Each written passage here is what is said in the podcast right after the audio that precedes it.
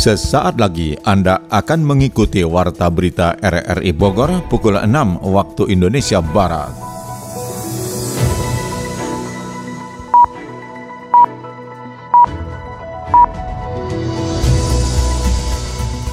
Selamat pagi. Saudara, Warta Berita RRI Bogor akhir pekan, Minggu 14 November 2021, kami isi dengan rangkuman berita sepekan. Siaran ini dapat Anda dengarkan melalui aplikasi RRI Play serta turut disiarkan Radio Tegar Beriman, Kabupaten Bogor. Bersama saya Mukhlis Abdillah, inilah rangkuman berita sepekan selengkapnya.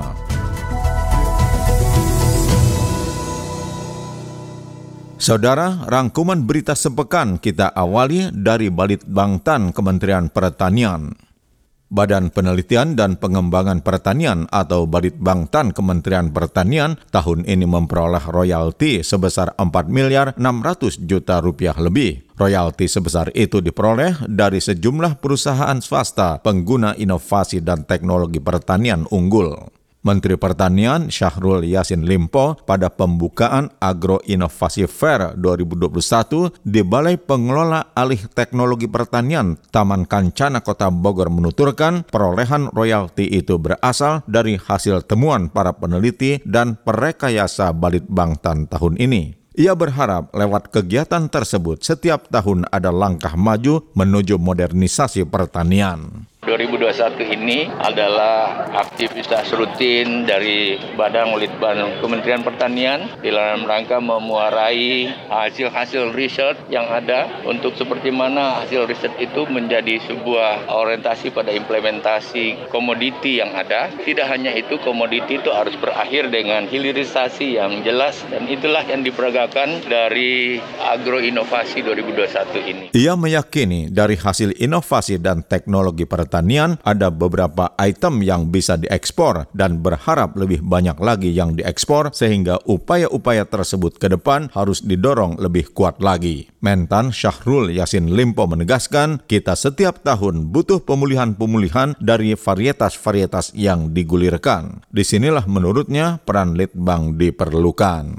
Litbang itu sangat dibutuhkan oleh pertanian karena setiap tahun kita butuh pemulihan-pemulihan dari varietas-varietas yang kita gulirkan. Varietas Varietas itu punya daya tahan tentu saja bervariasi, tetapi tidak boleh lebih dari tujuh tahun tidak dilakukan pemulihan kembali. Nah, oleh karena itu tenaga-tenaga riset yang ada di sini itu tenaga riset yang senantiasa selain menemukan varietas-varietas baru, mengawin-ngawinkan DNA-DNA dari apa yang ada, dan tentu saja bagaimana mengadaptasi semua varietas dengan iklim yang ada, sama dengan iklim katakanlah banjir yang ada. Tentu saja varietas yang harus muncul dari litbang adalah varietas yang tahan air. Biasanya sesudah banjir kan akan kemarau. Kita butuh varietas baru yang tentu saja padi, jagung dan lain-lain sebagainya yang mampu kita tanam dengan produktivitas yang tetap baik dan tinggi, tetapi dia menggunakan air yang lebih sedikit misalnya. Selain itu, bahkan Litbang ujarnya harus bisa menaklukkan alam melalui hasil riset di mana wilayah-wilayah tertentu perlu penguatan. Jadi kita tidak boleh bertumpu pada hasil pertanian padi semata. Kita butuh komoditas lain sebagai bahan makanan selain padi seperti sagu misalnya. Ternyata mie yang terbuat dari gandum yang selama ini kita konsumsi tambah mentan tidak kalah kualitasnya.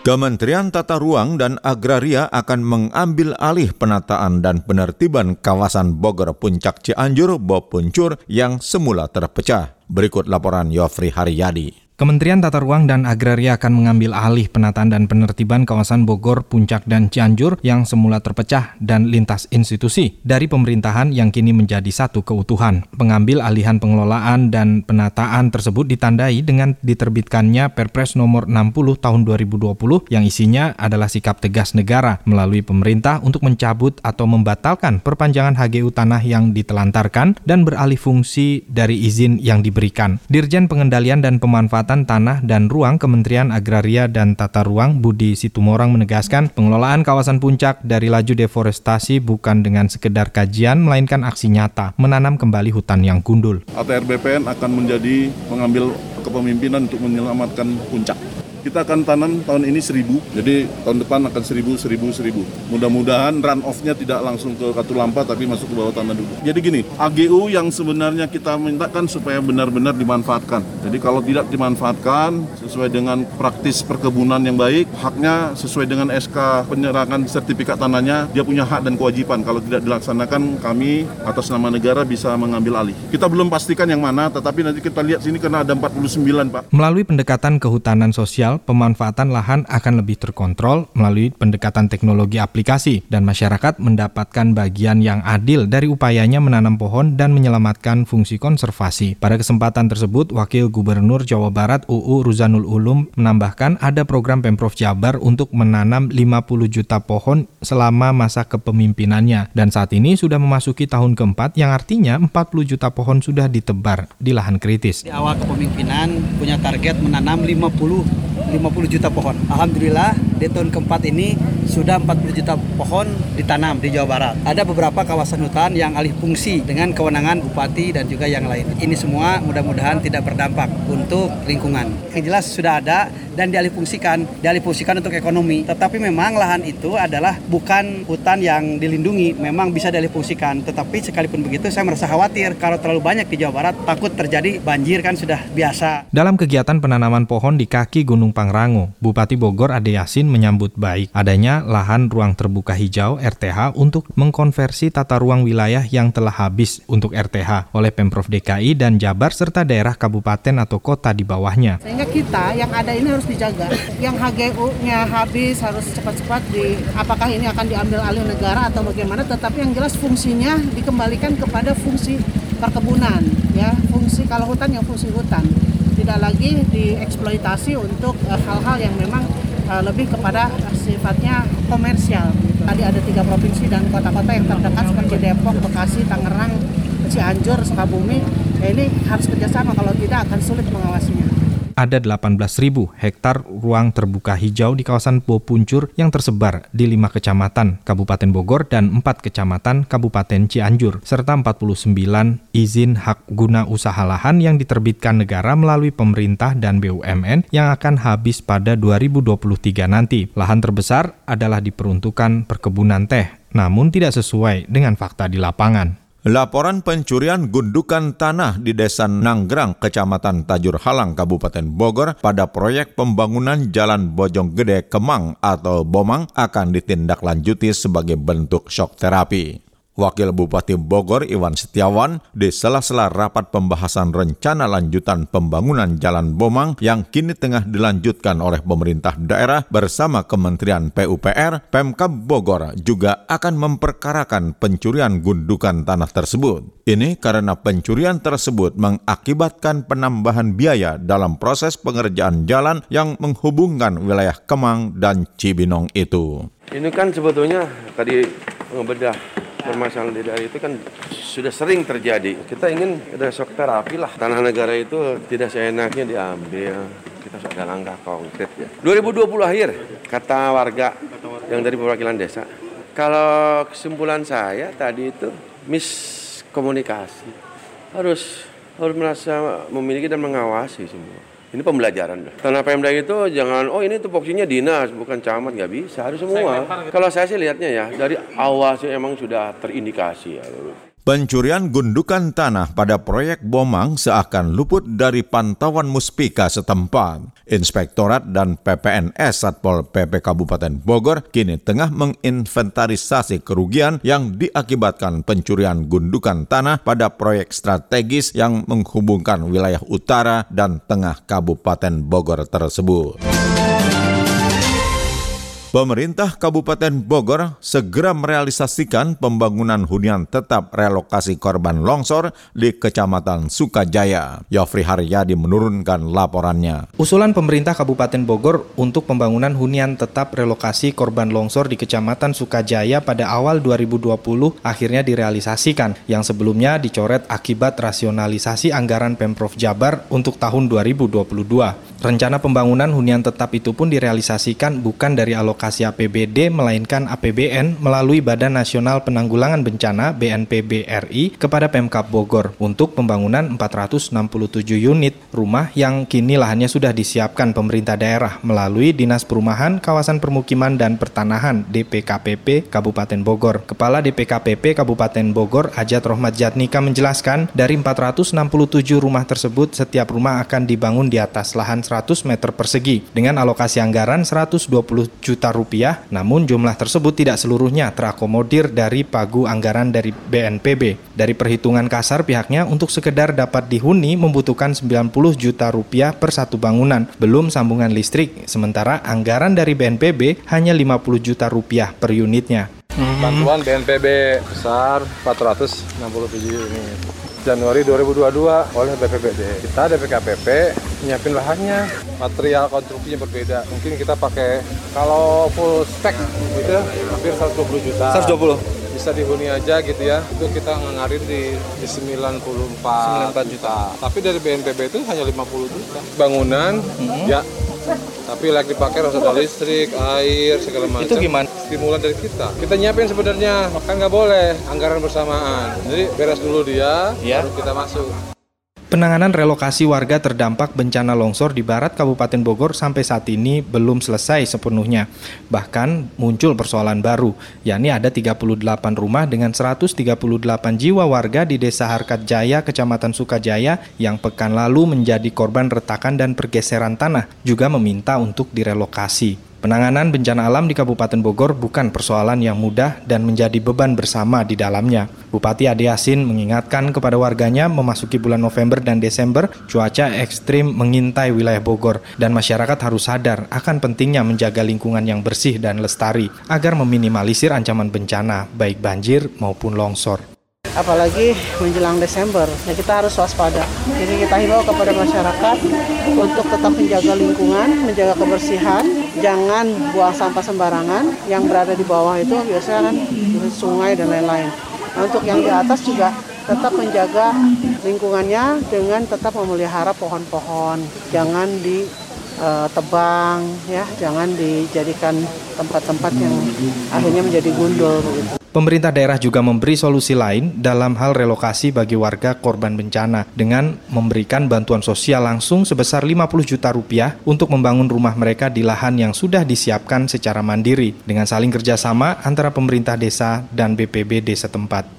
Menjelang Natal dan pergantian tahun baru, Polres Bogor beserta Polda Jabar mengantisipasi tingginya angka kriminalitas di wilayah hukum tersebut. Ini terbukti sebanyak 5,6 kg sabu berhasil diamankan dari berbagai wilayah Polres lingkup Polda Jabar. Kabid Humas Polda Jabar Kombes Pol RD Caniago mengatakan pengungkapan tersebut didapat dari tiga tersangka di tiga wilayah berbeda, yakni tersangka pertama OP 32 tahun ditangkap di Bekasi, seorang perempuan DS 35 tahun, dan EN 46 tahun. Kita sita itu satu bungkus plastik klip bening berisikan narkotika jenis sabu seberat 13 gram. Saya seberat 13 gram. Kemudian di situ juga ada satu buah timbangan digital. Jadi intinya yang bersangkutan juga sebagai pengedar. Barang bukti yang diri tersebut ini didapatkan oh, dari suaminya yang kebetulan kami juga ya. Suaminya di TPO sedang kita cari jadi si perempuan ini mendapatkan barangnya dari suaminya. Yang berinisial AS di Kabupaten Bogor sendiri dalam satu bulan terakhir, Sat Narkoba Polres setempat mengungkap setidaknya 10 kg narkoba jenis sabu. Petugas gabungan dari Sat Narkoba Polres Bogor, Bekasi, dan sekitarnya masih melakukan pengejaran terhadap DPO berinisial AT. Wakil rakyat di DPRD Kota Bogor mendesak pemerintah Kota Bogor segera menyelesaikan pembangunan Masjid Agung seperti dilaporkan Sony Agung Saputra. Kontraktor pelaksana pembangunan Masjid Agung Kota Bogor yang belum mencapai target 40% pengerjaan mendapat sorotan tajam dari Ketua DPRD setempat. Saat ini progres pembangunan masjid di Jalan Dewi Sartika Kota Bogor itu masih di bawah 40% sehingga harus ada percepatan dalam pengerjaannya. Ketua DPRD Kota Bogor Atang Trisnanto mengaku miris atas kondisi pembangunan masjid yang belum mencapai target penyelesaian itu. Pemerintah Kota Bogor harus bisa memastikan pembangunan Masjid Agung berjalan sesuai target sehingga harus ada percepatan sehingga progresnya terlihat nyata. Kami sangat menyayangkan keterlambatan target pencapaian dari progres pembangunan Masjid Agung Kota Bogor yang mana selama hampir 4 bulan baru mencapai angka kurang dari 40% persen atau terdapat deviasi sekitar 9% persen lebih.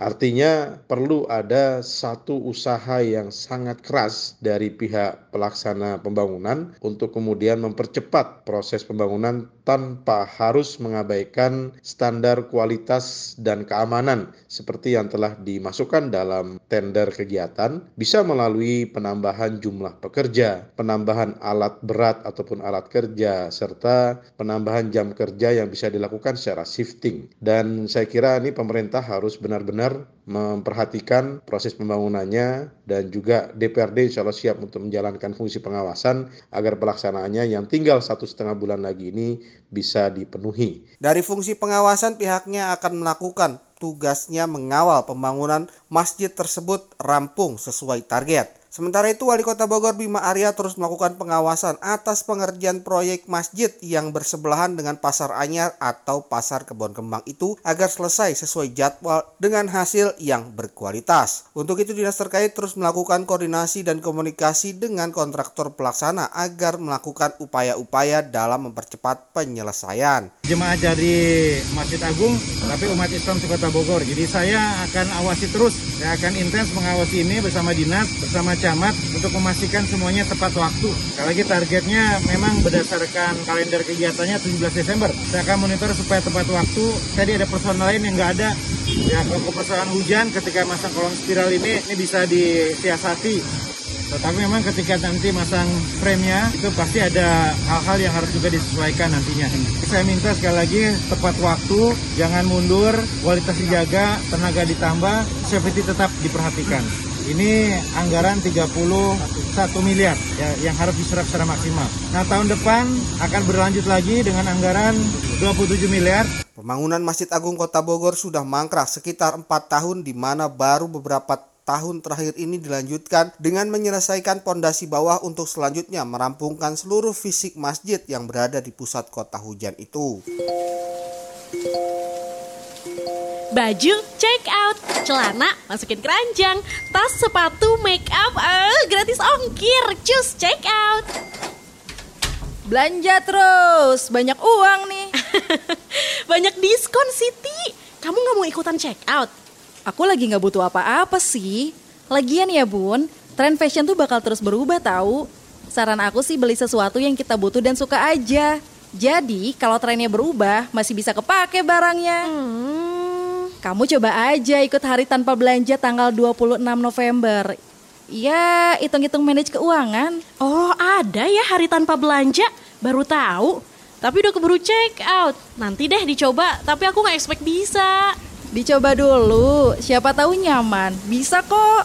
Oke dan Rem 061 Surya Kancana Bogor Brigjen TNI Ahmad Fauzi bersama Muspida Kota Bogor meresmikan Monumen Taman Makam Pahlawan atau TMP Dreaded Kota Bogor hari Rabu. Peresmian diawali upacara ziarah ke TMP tersebut. Menurut Danrem, peresmian dan renovasi monumen merupakan bentuk perhatian dan penghargaan pemerintah kota Bogor kepada para pahlawan. Keberadaan TMP Dreaded merupakan sejarah yang tidak bisa dilupakan dan menjadi pemicu semangat untuk berjuang lebih baik lagi. Kondisi saat ini ada menurut Danrem karena perjuangan para pahlawan dalam memperjuangkan kemajuan dan perubahan untuk bangsa dan negara. Hari pahlawan itu sendiri katanya merupakan tonggak sejarah untuk belajar dari mereka yang telah berjuang melawan sekaligus mengalahkan kekuatan besar.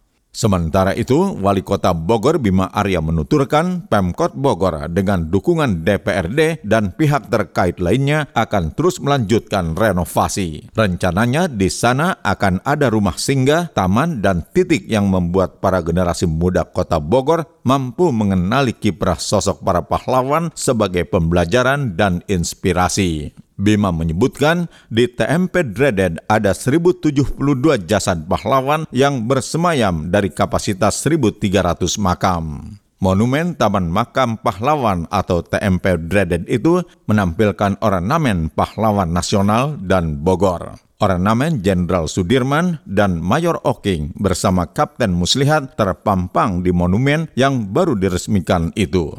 Proses revitalisasi dimulai sekitar empat bulan lalu dengan pagu anggaran nilai kontrak berdasarkan hasil lelang sekitar 960 juta dan rampung empat hari menjelang Hari Pahlawan.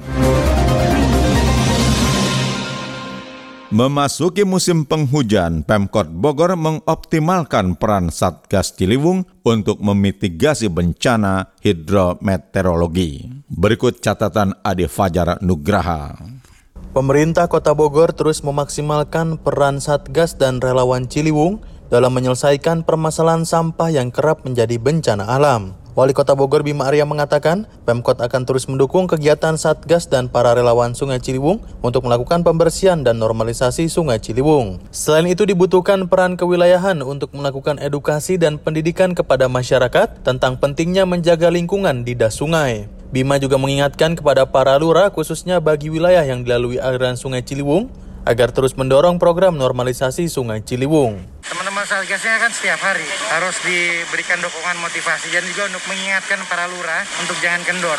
Bogor itu kan dilalui Ciliwung itu 14 kelurahan. Jadi harus konsisten terus, dibersihin terus, dibersihin, diedukasi, kalau ada masalah dicarikan solusinya. Apalagi sekarang masih musim banjir ya lihat beberapa titik ya yang juga bisa dijadikan tempat edukasi untuk anak-anak ya supaya anak-anak lebih cinta lingkungan. Guna mencegah terjadinya longsor dan erosi tanah, Bima juga akan lebih masif melakukan penanaman pohon vegetasi di sepanjang daerah aliran Sungai Ciliwung. Menanam tanaman vegetasi dinilai mampu mencegah terjadinya banjir dan longsor dalam upaya mitigasi kebencanaan. Kita lihat memang metode untuk mencegah longsor itu lebih tepat dengan vegetasi, dengan penanaman daripada membangun bronjong ya, membangun turap dan lain-lain itu. Lebih natural, lebih alami, lebih bagus ya. Ke depannya kita akan dorong lebih gencar lagi penanaman.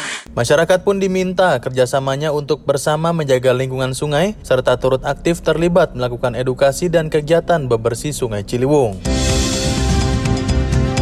Saudara, Anda tengah mendengarkan rangkuman berita sepekan dari Radio Republik Indonesia Bogor.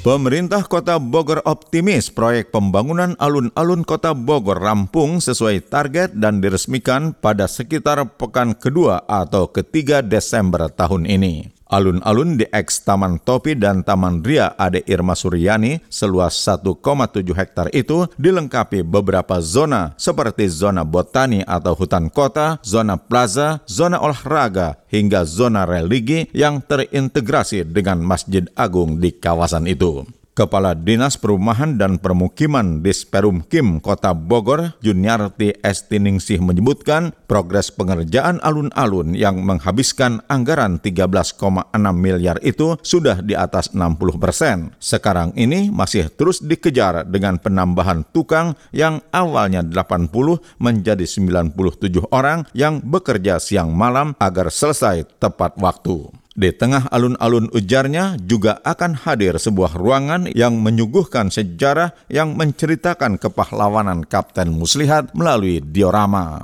Sedangkan patung ikonik yang lama dari ahli waris diminta untuk dibawa ke tempat Yayasan Kapten Muslihat. Tetapi pihaknya akan membuatkan lagi dengan material yang lebih bagus yaitu dari tembaga yang rencananya masuk dalam anggaran 2022 mendatang. Bersama wali kota, ia mengecek zona-zona tersebut beberapa waktu lalu. Animo masyarakat memanfaatkan bis kita Transpakuan tinggi, Pemkot Bogor menyiapkan tiga koridor baru. Kita simak catatan Sony Agung Saputra. Pemerintah Kota Bogor bersama aparatur Badan Pengelola Transportasi Jabodetabek BPTJ dan perusahaan daerah Jasa Transportasi PDJT melakukan evaluasi terhadap operasional bis kita Transpakuan. Operasional bus kita Transpakuan itu sudah berlangsung pekan kemarin dan saat ini sudah memasuki pekan kedua dari mengaspalnya mode angkutan massal itu. PLT di Rut PDJT Eko Wibisono mengungkapkan saat ini bis kita Transpakuan telah beroperasi sebanyak 10 unit dengan melayani melayani masyarakat di koridor 5 seperti stasiun Ciparigi dan sistem satu arah lingkar Istana Kebun Raya. Menurutnya animo masyarakat cukup tinggi untuk menggunakan jasa transportasi massal itu sehingga pihaknya menyiapkan skema percepatan standar pelayanan minimal dengan adanya peningkatan jarak tempuh antar kendaraan berkisar 5 hingga 7 menit sehingga tidak terjadi penumpukan penumpang di shelter atau halte. Puji Tuhan, uji coba pertama memang berjalan sangat lancar. Amino masyarakat sangat besar sekali.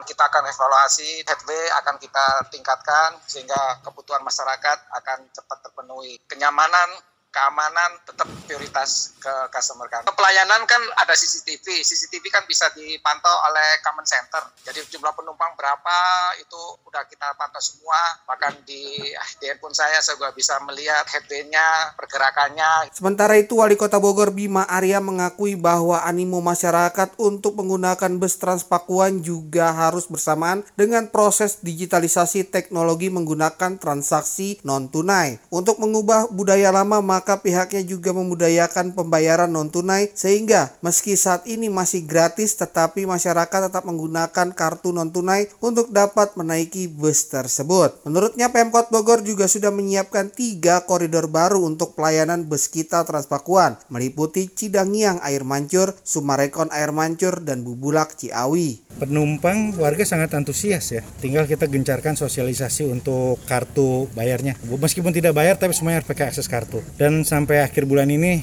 insya Allah akan ditambah beberapa koridor lagi. Jadi evaluasinya baik, penumpangnya antusias, tinggal melakukan edukasi menggunakan kartu TAP ya.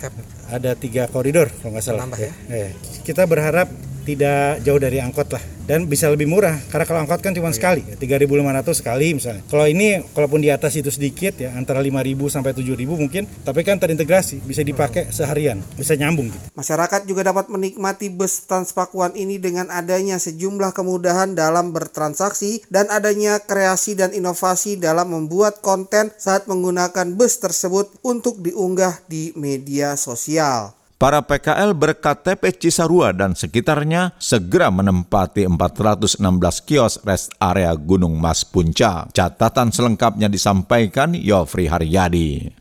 Pembangunan rest area di Gunung Mas Puncak Cisarua Bogor sudah 95 persen dan dipastikan awal tahun depan sudah terisi oleh para pedagang kaki lima yang sebelumnya dipindahkan dari trotoar. Namun proses perpindahan para PKL untuk menempati bangunan kios dan rest area Gunung Mas tersebut masih harus diatur pola kerjasamanya sesuai dengan SK dari pemerintah. Meski lahan yang kini berdiri rest area Gunung Mas di bawah penguasaan BUMN PTPN 8 Gunung Mas dan akan dioperasikan oleh BUMD PT Sayaga Wisata Kabupaten Bogor, sementara prinsip dasar kerjasama yang akan dilakukan antara bisnis dan bisnis belum terrealisasi. PT Sayaga Wisata dan PT PN 8 Gunung Mas belum disahkan regulasinya oleh Pemda. Direktur Sayaga Wisata, Sufriadi Jufri memastikan mereka yang akan mengisi 416 kios di res area Gunung Mas adalah para PKL berKTP Cisarua dan sekitarnya. Tidak ada joki ataupun over alih kios di luar data calon pengisi kios tersebut. Nanti pola bisnisnya ini kan masih harus dibicarakan lagi dengan pihak PTPN. Yang pasti ini sementara adalah bagaimana caranya untuk nampung pedagang kaki lima dulu. Kemudian rencana awal saya adalah menjadikan ini pusat kuliner khas Bogor. Nah nanti ke depannya karena ini kan lahan juga untuk hal-hal lain harusnya kan kita juga punya lahan. Tapi kan ini sementara sudah untuk kaki lima dulu nih. Kita juga butuh penambahan lahan. Nah itulah nanti bicara bisnis to bisnis. Belum sih belum bicara dengan Saya masih harus melihat PKS antara pemerintah pemerintah dengan uh, eh, PTPN. Tapi rasanya sih ini dikelola berdua nanti. Masalah pendapatan dari mana belum dibahas. Kalau secara komersil ya harusnya komersil, tapi kan ini juga pemerintah punya peran di sini.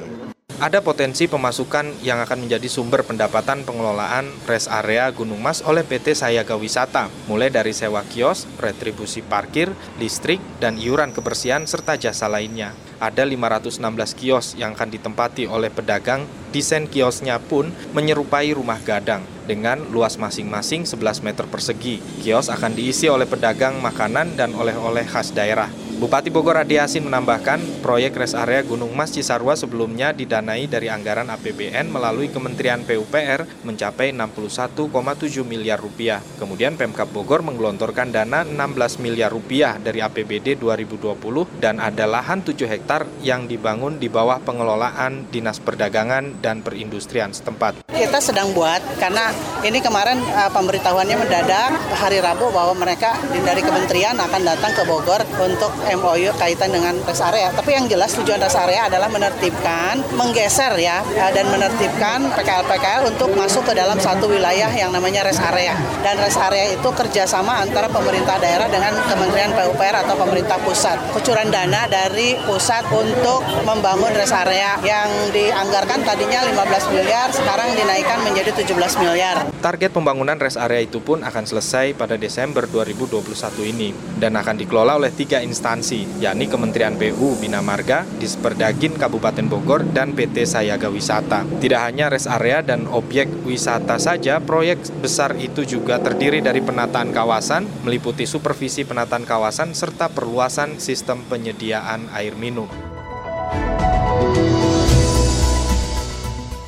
Saudara, demikian rangkuman berita sepekan RRI Bogor pagi ini. Siaran ini dapat Anda dengarkan kembali melalui podcast kami di Spotify, Anchor, Portail, dan Google Podcast.